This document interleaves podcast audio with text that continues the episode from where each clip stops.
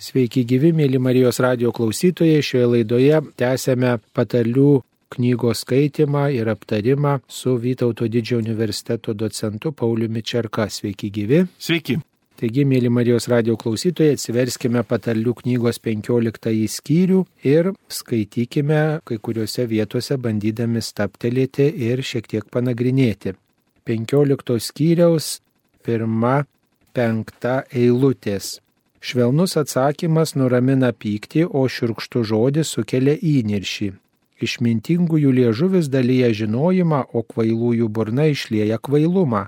Dievo akis yra visur, jos stebi blogus ir gerus žmonės. Švelnus liežuvis yra gyvybės medis, o suktas versmė, versmė beprotybės. Kvailasis niekina tėvo pamokymą, o kreipęs dėmesį į pataisą yra protingas.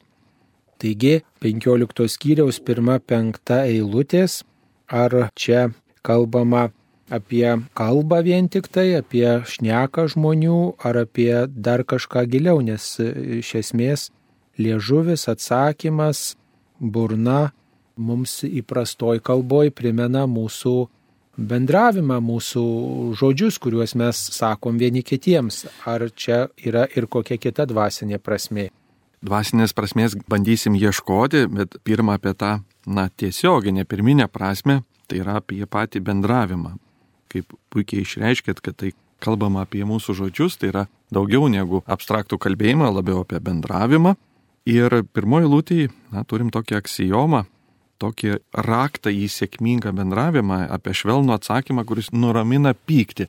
Turbūt intuityviai dažnai mes galvojame, kad pyktį galima įveikti pykčiu arba agresiją įveikti jėga. Turbūt kažkiek galima ją įveikti, bet pasirodo švelniu atsakymu mes ją įveikiam daug efektyviau ir geriau. Įdomu, kad čia nepasakyta, ką reikia pasakyti, bet kalbama, kaip reikia sakyti. Ir šiandieninė psichologija, mokslas, kuris nagrinėja konfliktų sprendimą, konfliktologiją, be galo didelį dėmesį skiria tam, kaip mes kalbame ne tik ką, bet ir kaip mes tai pasakome. Naujam testamente apaštalas Paulius laiškė fiziečiams turi tokį paraginimą kalbėti tiesą su meile. Tai reiškia liečia ir turinį, ir motyvą, ir išraišką. Neužtenka tik pasakyti teisingus žodžius, juos galima pasakyti agresyviai, šaukiant, pykstant. Dar svarbu, kaip jie yra pasakomi. Ir, sakykime, tas švelnus atsakymas nereikėtų jo sutapatinti su tokiu saldžiu atsakymu. Švelnus atsakymas yra savo silpnumo pripažįstantis atsakymas, nes žodis hebrajiškai gali reikšti ir silpnumą, ir švelnumą. Tai yra, kai mes nepuolame save teisinti, nepuolame pulti atgal, bet pripažįstame savo trūkumus, pripažįstam savo silpnumą ir motivuotai pareiškiam prieštaravimą. Būtent toks elgesys, na, psichologija sako, kaip tik mažina įtampą, deskaluoja konfliktą ir veda į būseną, kada mes busim pasiruošę rasti kažkokį sprendimą. Dabar apie tą gilesnę prasme, ko tai moko, ar tai galėtų mus pamokyti tam tikros alegorijos tarp žmogaus ir Dievo. Manau, kad taip, nes atgaila yra žmogaus švelnus atsakymas Dievui. Jeigu pasakytume, kas tai yra. Adomas pradžios pasakojime, naratyvė yra pristatomas kaip tas, kuris teisinosi Dievui paklausus, ar nebus taip, kad tu valgy nuo to medžio, kurį aš tau draudžiau, labai švelniai palietus tą temą, Adomas atsako teisindamas save, sakydamas, jog moteris, kurią tu man davėjai, davė man ir aš valgiau. Kitaip tariant, jis puolė agresyviai į pretenziją, nepripažindamas savo silpnumą, bet teisindamas save, pateikdamas situaciją savo palankioje šviesoje. Tai švelnus atsakymas iš esmės yra atgailos esmė - pripažinimas savo trūkumo, neįsisukinėjimas ir kalbėjimas tiesą, negresyviai reaguojant. Tai toks būtų komentaras, kaip mes galėtume žmonių bendravimo pasimokyti iš maldos principo, jog iš tikrųjų mes maldoje taip pat turime santyki su asmeniu ir svarbu, kokiu nusiteikimu mes įeiname. Tai ta išmintis ir įžvalga ir žinojimas, tai čia turbūt Dievo dovanos yra ir žmogus gali jas įgyti, kai renkasi va tą išmintingojo kelią, kai prisimena, kad yra Dievo akivaizdo ir kad nuo Dievo niekur nepasislėps, o belieka jį būti tiesoj, savo gyvenime ir kartu tokioj pastangoj turbūt suprasti, suprasti, ką viešpats nori pasakyti, kuris mus kreipia. Neveltui tarp šitų eilučių yra įsiterpusi trečioji eilutė tarp pirmos ir penktos Dievo akis yra visur, jos stebi blogus ir gerus žmonės. Taip sakant, tas, kuris jaučia Dievo žvilgsnį, galbūt niekada nesirinks tokio apgaulės kelio ir taip pat ieškos išminties. Labai taikliai išreiškėt, jaučia Dievo žvilgsnį. Iš tikrųjų, Dievo žvilgsnis gali mus pristabdyti nuo blogo ir paraginti geram. Įdomu tai, kad autorius kalba apie, kad Dievo akis yra visur ir ką josgi mato. Jis nepasako, kad jis mato kažkokius gamtos neįprastumus, mato ateitį ar praeitį, kas dažniausiai mum atrodytų dalykai, kaip mes apibūdintume visą gali, kuris gali viską matyti. Įdomu, kad iš visko jis išsirenka tai, ką žmogus daro. Tai labiausiai krenta Dievui į akį - gera ir bloga. Tie dalykai yra svarbiausi iš tikrųjų, daug svarbesni už techninius, natūralius, gamtinius procesus. Pasirodo mūsų elgsena. Ji yra ir slaptingiausia, nes ją netai paprastai vertinti. Ją įvertinti reikia matyti vidų, kas nesimato, žmogaus tam tikrus motyvus. Ir mes matom, kad Dievo akis yra į ją nukreiptos. Tai yra jo dėmesys yra žmogaus gyvenimui, žmogaus pasirinkimams.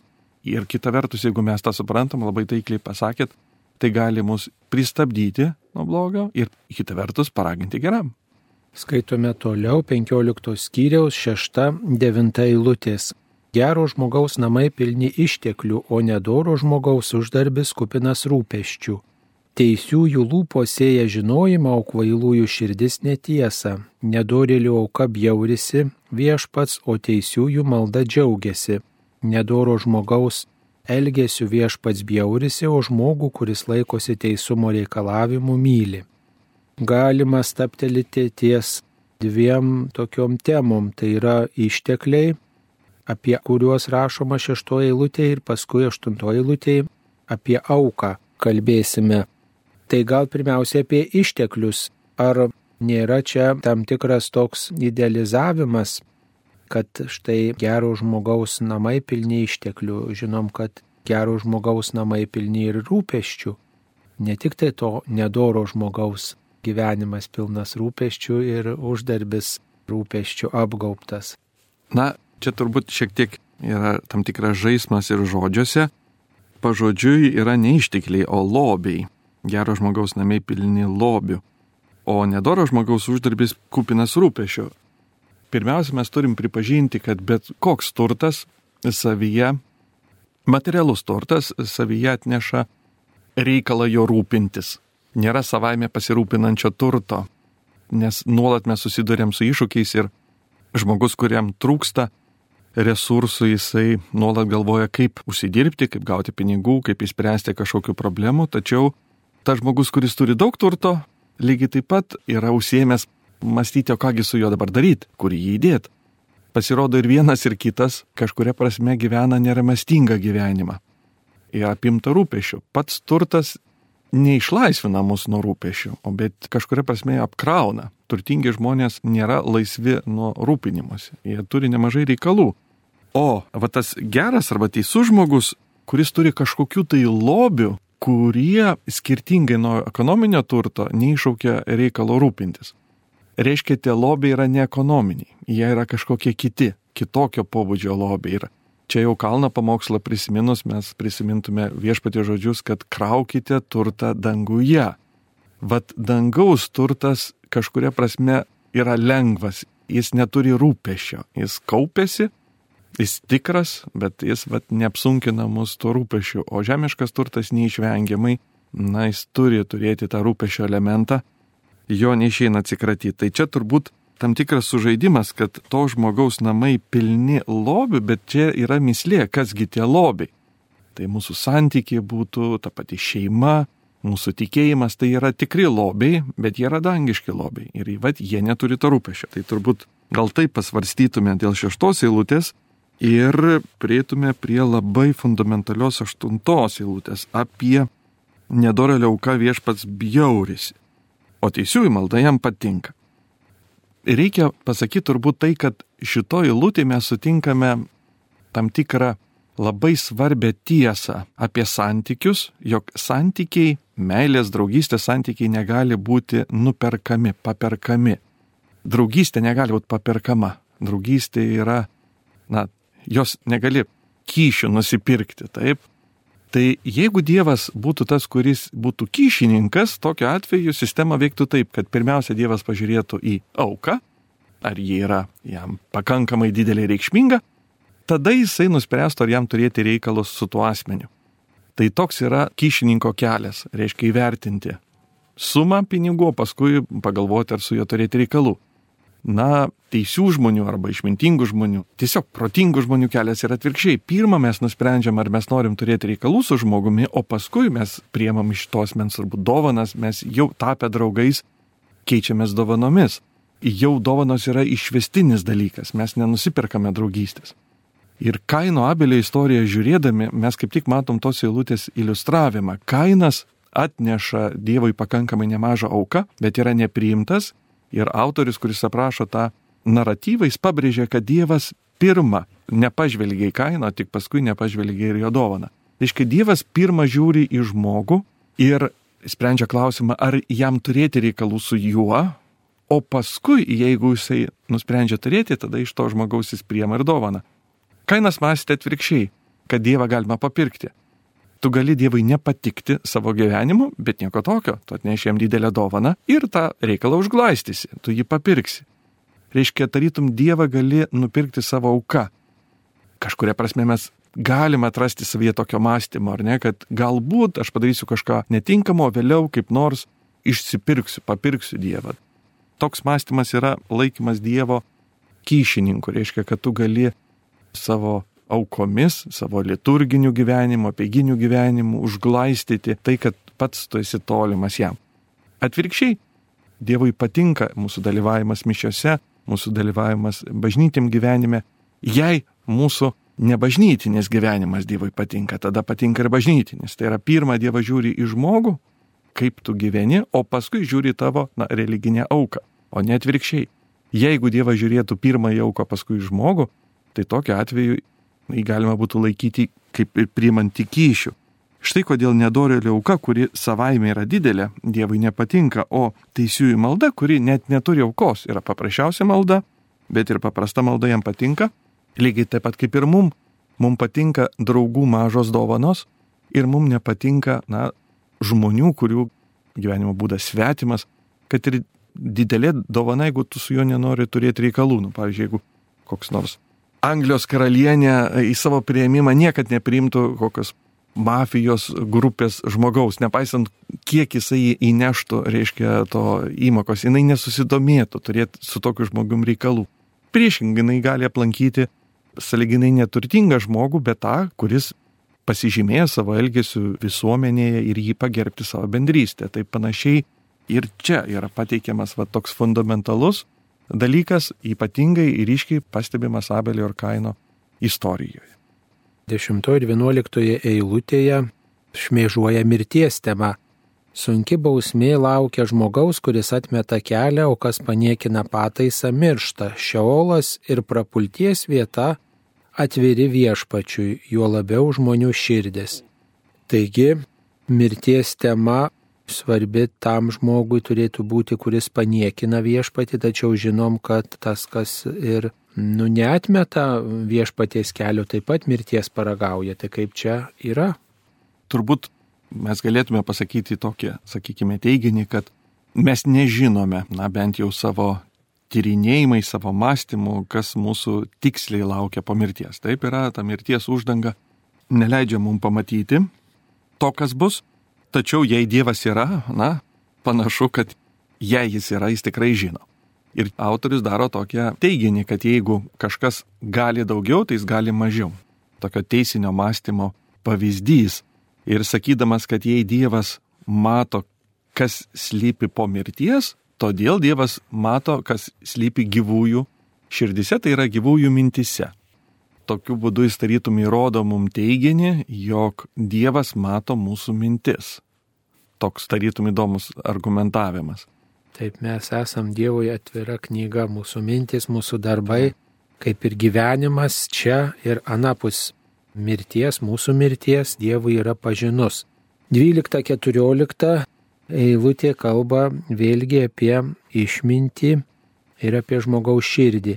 Pašaipūnas nemėgsta būti pataisomas, užtat išmintinguosius nesikreips. Laiminga širdis pralinksmina veidą, o kenčianti dvasia palaužia. Protingo žmogaus širdis ieško žinojimo, o kvailųjų burna maitinasi kvailumu. Ir 15 gal pridėkim. Visos vargšo dienos yra sunkios, o linksma širdžiui gyvenimas visat šventė. Taigi 12-15 eilutės kalba apie žmogaus širdį ir tiesiog palygina tą žmogaus širdį. Vieno žmogaus, kuris laikosi viešpaties žodžio, kuris yra tas turintis protingą širdį ir palyginamas su kvailiu. Bet kartu kyla klausimas, kodėl, pavyzdžiui, tas žmogus, kuris yra pasišaipantis, kuris kvailas, nesikreipia patarimo išmintinguoji ir netampa tuo išmintingu, turinčiu išmintingą širdį. Pirma mūsų na, pamoka, ta, kurią labai dažnai grįžtame patarlėse, yra apie tai, kad jei mes norime eiti tuo kviečiamu išminties keliu, teks susitaikyti su tuo, kad mes turėsim na, būti taisomi, pataisomi. Tai nebus malonu, bet tai neišvengiama. Nį vienam nepavyks na, praeiti šito keliu ir nebūti taisama. Tai tiesiog galbūt kvietimas susitaikyti su tuo nemaloniu procesu, jog mums patiems savęs na, nepavyks išsitaisyti, teks kitų pagalbos prašyti. Va taip jau sudėliota mūsų toks pažinimas yra, kad mes patys negalim pažiūrėti į save iš šalies ir dėl to reikalingas yra kitų žmonių žvilgsnis ir kitų žmonių sąlytis su kitais, su kitokiais ir kitais, kuris yra nemalonus, bet neišvengiamai būtinas. Jei mes jo vengsim, tokio sąlyčio, tokiu atveju mes rizikuojam savo gyvenimo keliu visu. Tai viena. Na, o dabar prie įdomios eilutės 13 ir kažkiek atliepiančios ir 15 apie tą laimingą širdį, kuri pralinksmina veidą. Kaip čia širdis gali veidą pralinksminti? Va, iš tikrųjų, klausimas yra toks. Kodėl mes šypsomės? Kokios jėgos nulėmė mūsų šypseną? Galbūt išorinės, pavyzdžiui, mes kažką turime ar neturime. Galbūt išorė daro tai, kad žmogus verkia ar juokiasi, o gal yra vidinės, tam tikras nusiteikimas, tam tikras požiūris į sunkumus. Ir čia Saliamonas mums moko, kad daug didesnį įtaką mūsų šypsenai turi ne mūsų sunkios ar lengvos gyvenimo sąlygos, bet mūsų vidinis pasaulis, kaip mes į jas žiūrime. Ir galima rasti begalės pavyzdžių, kaip žmogus viena vertus yra sunkiose, galbūt ekonominėse, galbūt socialinėse, galbūt turi iššūkių su savo sveikata, yra patekęs į sunkias sąlygas, kita vertus, tu matai, kad jis, na, tarytum patenkintas tuo gyvenimu yra. Kodėl?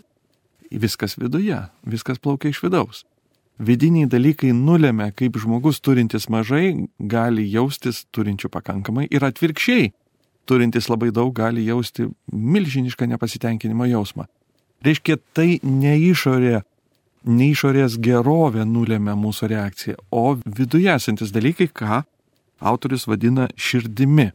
Ir ta tema yra, sakykime, psichologijoje nemažai tyrinėta, ypač žmonių patekusi į kraštutinį sunkias sąlygas - holokausto metu patekusi į koncentracijos stovyklas ir jas išgyvenusių žmonių, sakykime, ir atsimenimai, ir mąstymai be galo daug davė šioje srityje, pastebėti, kad žmonės net tokiuose kraštutinėse situacijose sugebėdavo išlaikyti sakykime, tam tikrą stabilumą, tam tikrą viltį, prasmės siekimą. Yra ne viena mokykla, vat, tų išgyvenusių žmonių, tiek pat ir psichologų, kurie pakliuvo į tas sunkias sąlygas apmąstymų dėka suformuota. Tačiau idėja yra tokia, kad mūsų nusiteikimas, mūsų požiūris į gyvenimą yra daug svarbesnis nei gyvenimo sąlygos. Dabar, kuo tai prisitaiko dvasiniam gyvenimui, tą alegoriją? Tuo, kad širdis veikia išorę, o ne išorė veikia širdį. Tai yra tai, kas vyksta mūsų viduje, nulėmė mūsų išorinius veiksmus. Reiškia, mes pirmiausia turime suvokti, kad mišiose dalyvaudami arba kitoje liturgijoje ar atlikdami kitus, sakykime, veiksmus, mes turim suprasti, kad ne išorė nulems mūsų vidų, bet iš mūsų vidaus tai turi plaukti. Reiškia, pirmiausia, mes turim dirbti su savo širdimi. Tai nulems, ar mes jausimės laimingi ir džiugus. Kartais žmonės tikisi, kad na, muzika jos nepakankamai nudžiugina, pavyzdžiui, liturgijos metu, arba jie tikisi kažkokio tai oro geresnio, ar ten šalta ar šilta, ir kartais žmonės sako, o, bet pamaldas buvo, bet ten kažkas ne visai sklandžiai. Ne, iš tikrųjų, jeigu tu turi gerą nusiteikimą, daugelį tų smulkmenų tu net nepastebėsi, o tu su džiaugsmu džiaugsiesi, kad galėjai sudalyvauti Eucharistijos šventime. Tai iš principo tai, kas teisinga yra socialiniam, ekonominiam gyvenime, mūsų vidinis nusiteikimas, tas teisinga ir dvasiniam gyvenime. Vidus nulėmė mūsų reakcijas, o ne išorė. Na, nuo 16 iki maždaug 19 eilutės skaitome apie turtą, vėlgi ir kartu apie meilę tarp žmonių. Geriau mažai turėti su pagarbe viešpaties baime, negu būti turtingam ir gyventi be ramybės. Geriau daržovių pietos su meilė, negu riebė jautina su neapykanta.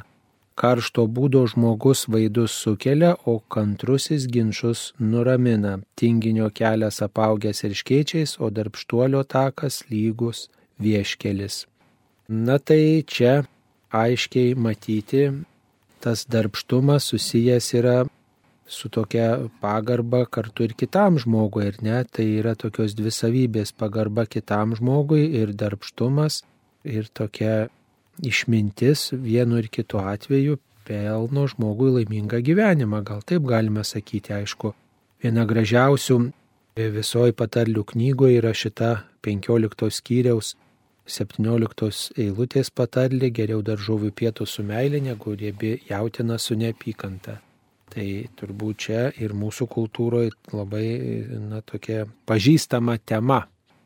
Taip, mūsų kultūroje mes turim iššūkių, kur tai yra raktai į sėkmingus santykius, nes visuomenė, na, mes kenčiame nuo didelių skirybų skaičiaus, tai reiškia, mūsų šeimos nestabilios, mums nepavyksta sukurti stabilios, reiškia, šeimos ir na, nėra tos ramybės, reiškia, na, reikia ieškoti sprendimų, reikia ieškoti tų raktų. Ir šiuo atveju 17 patarlė ji mus moko apie tai, kad santykiai svarbesni už turtą. Žmogus, asmuo yra svarbesnis už turtą. Ir, Taip sakant, santykis su žmogum didysis turtas. Santykis su žmogum didysis turtas yra. Ir jeigu mes turim tą santykį, tai nepaisant to, kad turto gali būti ir mažiau, bet mes turtingesni, laimingesni. Tas tiesa yra ekonominiam gyvenime, jo kolektyvas yra didžiausias įmonės turtas, o ne stalai, pastatai ir kiti dalykai. Ir jeigu yra sumaišomos, na pavadinkim šitą vertybių skalę, gaunasi prasti rezultatai. Tai lygiai taip pat ir mūsų santykiuose, socialiniuose santykiuose, tarpusavio santykiuose, be bejonės yra meilė, tai yra su kuo yra santykis, yra daug svarbiau negu, sakykime, kaip ir turtinė prasme geriau, reiškia yra klestintis namai, bet įtampa tarp šeimos narių pyktis. Ir kartais mes to net nevertinam, mes matom, dažnai mes galim pasakyti, ką žmonės valgo, ar ne iš to išsiduoda, kaip žmonės turbūt gyvena, ekonominė prasme žiūrint. Bet mes nepastebėm gilesnio, svarbesnio dalyko, yra ar nėra meilė, kokie tarpusavio santykiai, o tai yra daug, daug svarbesni dalykai. Tai jeigu tai yra tiesa mūsų tarpusaviuose santykiuose, tai tuo labiau tai yra tiesa žmogaus ir Dievo santykėje. Jok pyktis ar meilė yra daug svarbiau negu daug ar mažai žmogus turi. Nuo 20 iki 21 eilutės skaitome apie tėvus ir vaikus Taigi išmintingas vaikas padaro tėvą laimingą, o kvailas žemina savoją motiną. Kvailai elgtis smagu tuščia galviam žmogui, o protingas jis eina tiesiu keliu. Taigi turbūt e, tas, kas elgesi išmintingai, aišku, visada nudžiugina ne tik savo tėvus, bet ir mokytojus. Turbūt galima čia išvelgti, kad ir Dievą džiuginame laikydamiesi jo patarimų, jo pamokymų ir tada išvengiam kreivo kelio patys ir tada džiaugsmą teikiam pačiam Dievui ir kitiems žmonėms, kurie už mus atsakingi arba kurie mus myli. Toliau skaitome apie pasitarimo vertę. Nuo 22 eilutės užmojai be pasitarimo niekais nueina, o pasitarus su daugeliu jie būna sėkmingi. Žmogui malonu duoti deramą atsakymą, o kaip smagu girdėti tinkamą žodį protingą žmogų gyvenimo takas veda aukštyn, kad išvengtų šiolo gelmių, o viešpats nugriauna iš puikelių namus, o našlės nuo savybės ribas išlaiko. Taigi pasitarimas, svarbus pasitarimas išmintingam žmogui. Kodėl tas pasitarimas toks svarbus? Ar dėl to, kad mes negalim visko žinoti ir tada kreipiamės pagalbos, ar dar dėl ko kito?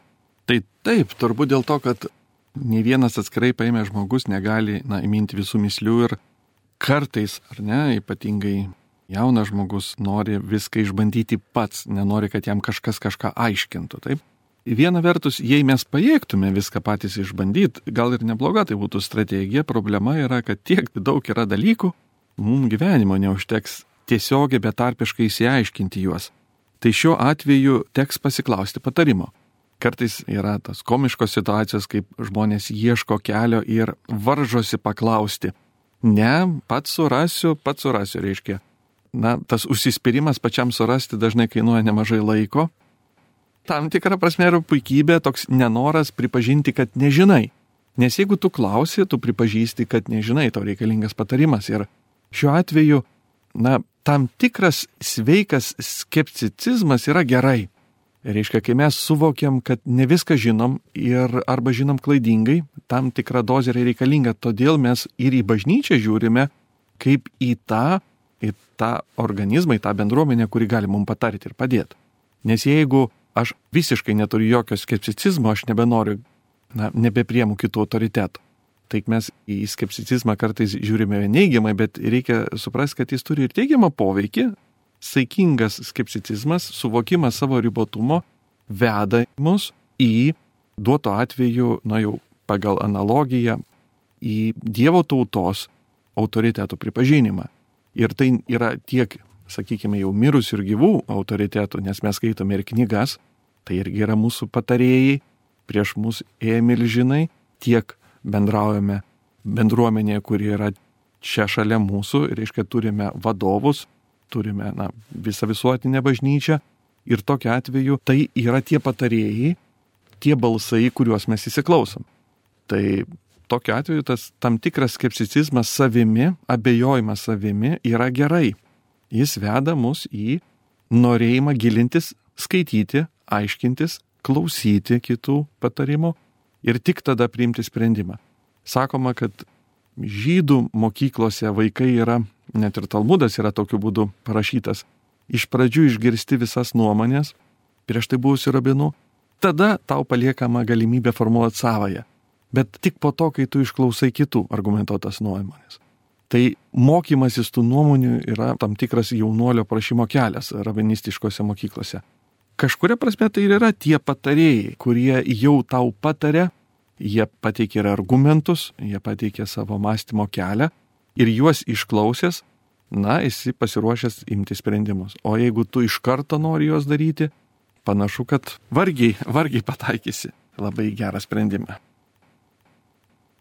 Nuo 26 iki 29-15 skyriaus eilutės kalbama apie štai godumą ir taip pat kyšio temą šmėstelį.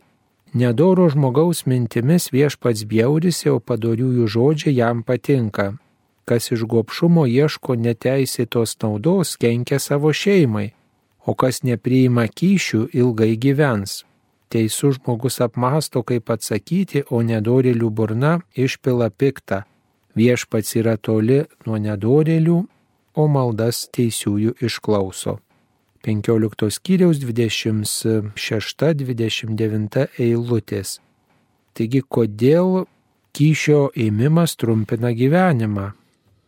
Na, jis palaužia mūsų stuburą. Palaužia mūsų stuburą, iškreipia tokius fundamentalius dalykus - teisingumą ir dažnai, kaip sakykime, kainuoja daug daugiau iš tikrųjų negu pasiūlo. Va, ir godumas pelno vargina namus. Panašu, kad tas godumas mes kartais jį ne visai teisingai suprantam. Dažnai žmonės godumą laiko turto demonstravimą. Tai čia nėra godumas. Gali būti kitos įdos, bet godumo esmė yra turto kaupimas. Ir tas turto kaupimas gali būti toks intensyvus, jog jis jau yra daromas savo sveikatos ir artimųjų, na, gerovės sąskaita. Ir yra tų situacijų, kai atrodo žmonės turi turto, bet jį taip taupo, kad taupo ten, kur nedėrėjo ją taupyti tos situacijos, kai kartais pataupoma sveikatai, pataupoma būtiniesiems dalykams, na, jos, aišku, aplinkinių sukelia tokią pašaipą, bet yra tas perdėtas taupumas, kai taupai dalykų sąskaita, na, kuomet neverta taupyti ir kenčia, šiuo atveju pats žmogus save suvaržo, bet ir jo artimuosius spaudžia.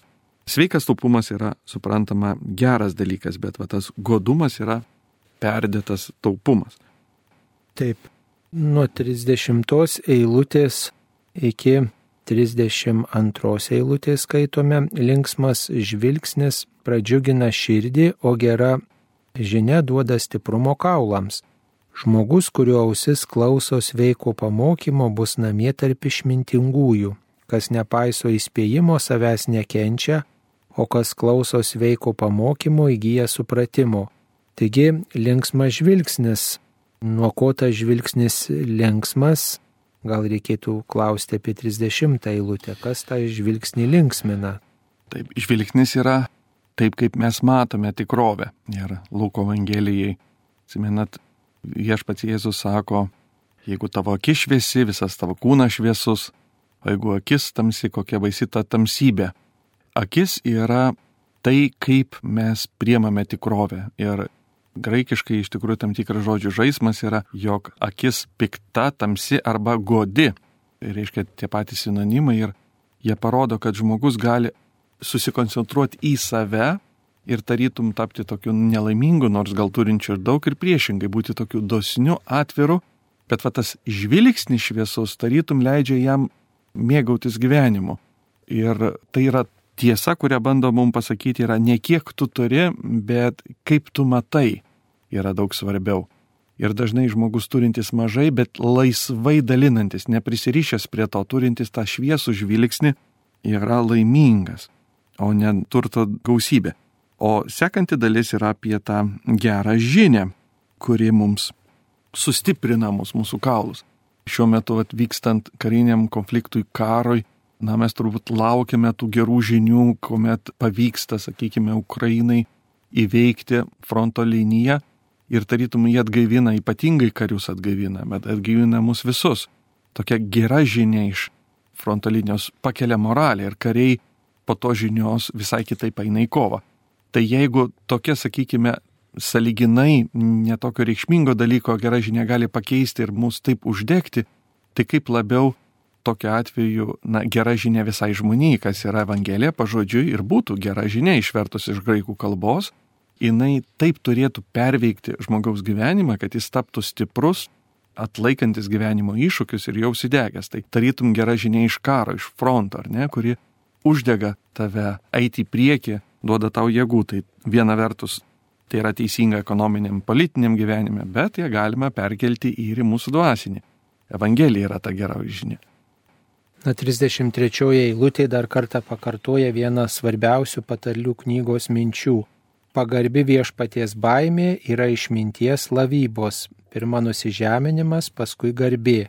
Taigi pagarbi viešpaties baimė ne tik išminties pradžia, bet ir išminties lavybos. Vadinasi, visada einant išminties paieškų keliu, Dievo žodžio pažinimo keliu, Dievo įsakymo laikymosi keliu, visada turbūt pagarba ir nuščiuvimas prieš Dievą būtinas, kad mes nusulauktume dar didesnių dalykų, kurie paruošti viešpaties sekėjams, viešpaties vaikams. Taip, ir čia toks, matom, nuolat atsikartojanti mintis. Pirma nusižeminimas, paskui garbė, bet hebrajiškam tekste, na, jis mums duoda tam tikrą pajūtimą, kad būtent kas eina pirma ir kas eina antra yra, yra labai svarbu, nes tie du dalykai visada jie eina viena šalia kito, bet jie gali eiti skirtingą tvarką sustatyti. Čia šitoj mokykloj pirmą eina savęs nužeminimas, o paskui kitas tave paaukština. Galbūt atvirkščiai. Tu gali pirmą save paaukštinti, pasipūsti, tada kitas tave pažemins. Jie vis tiek eis vienas paskui kitą, bet skirsis kas, ką daro, ar pats tu, ar kitas. Ir čia turbūt prisimintume jau e, Naujojo testamento patarlę apie žmogų, kuris rinkosi savo vietą pokelį, ar ne? Ir neteisingai parinkus vietą, susireikšminus, paaiškėja, kad jį vėliau šeimininkas pastumė žemyn ir netgi daug žemiau negu jam dėrėjo. Ir atvirkščiai, žmogus, kuris pasirinko kuklesnę vietą, vėliau buvo perkeltas ir kadangi vietos buvo jau užsipildytos, gavo išskirtinę vietą. Tai šiuo atveju visada bangavimas vyks neišvengiamai. Neišvengiamai mes banguosim per gyvenimą, bet šitoj mokyklai sakoma, pradėk nuo kuklesnio, tai baigsi geriau. O jeigu imsi iš pat pradžių pulsi prie to geresnio, tai baigsi prastai. Tai toks moralas ir jis panašu, kad viso gyvenimo eigoje, turbūt ypač amžinybės šviesoje, yra tikras. Na tai čia tas patarimas, kurį patarlių knyga duoda, kad vis dėlto su pagarba žiūrėti į kitą žmogų, taip pat į kitą iš didžiosios raidės ir taip pat prisimint, kad esi ribotas žmogus, turbūt taip galima apibendrinti taip, taip, taip. savo šitą skirelį, kad esam riboti žmonės. Mėly Marijos radio klausytojai, tikrai Laukiame įvairių išvalgų ir iš jūsų, kurie klausote šitų laidų, galbūt ir jums gimsta kažkokių minčių ar turite kokių klausimų, visada Vytauto didžiojo universiteto docentas Paulius Čerka pasiryžęs atsakyti ir tikrai galime ir šitoje laidoje aptarti kai kurias jūsų mintis, kurias jūs galbūt įvairiais būdais atsiusite Marijos radijui. Taigi šioje laidoje svarstėme patarlių knygos 15 skyrių Prie mikrofono buvo Vytauto didžiojo universiteto docentas Paulius Čerka ir taip pat aš kunigas Saulis Bužauskas. Visiems linkime pagarbios viešpaties baimės. Ačiū, sudė. Sudė.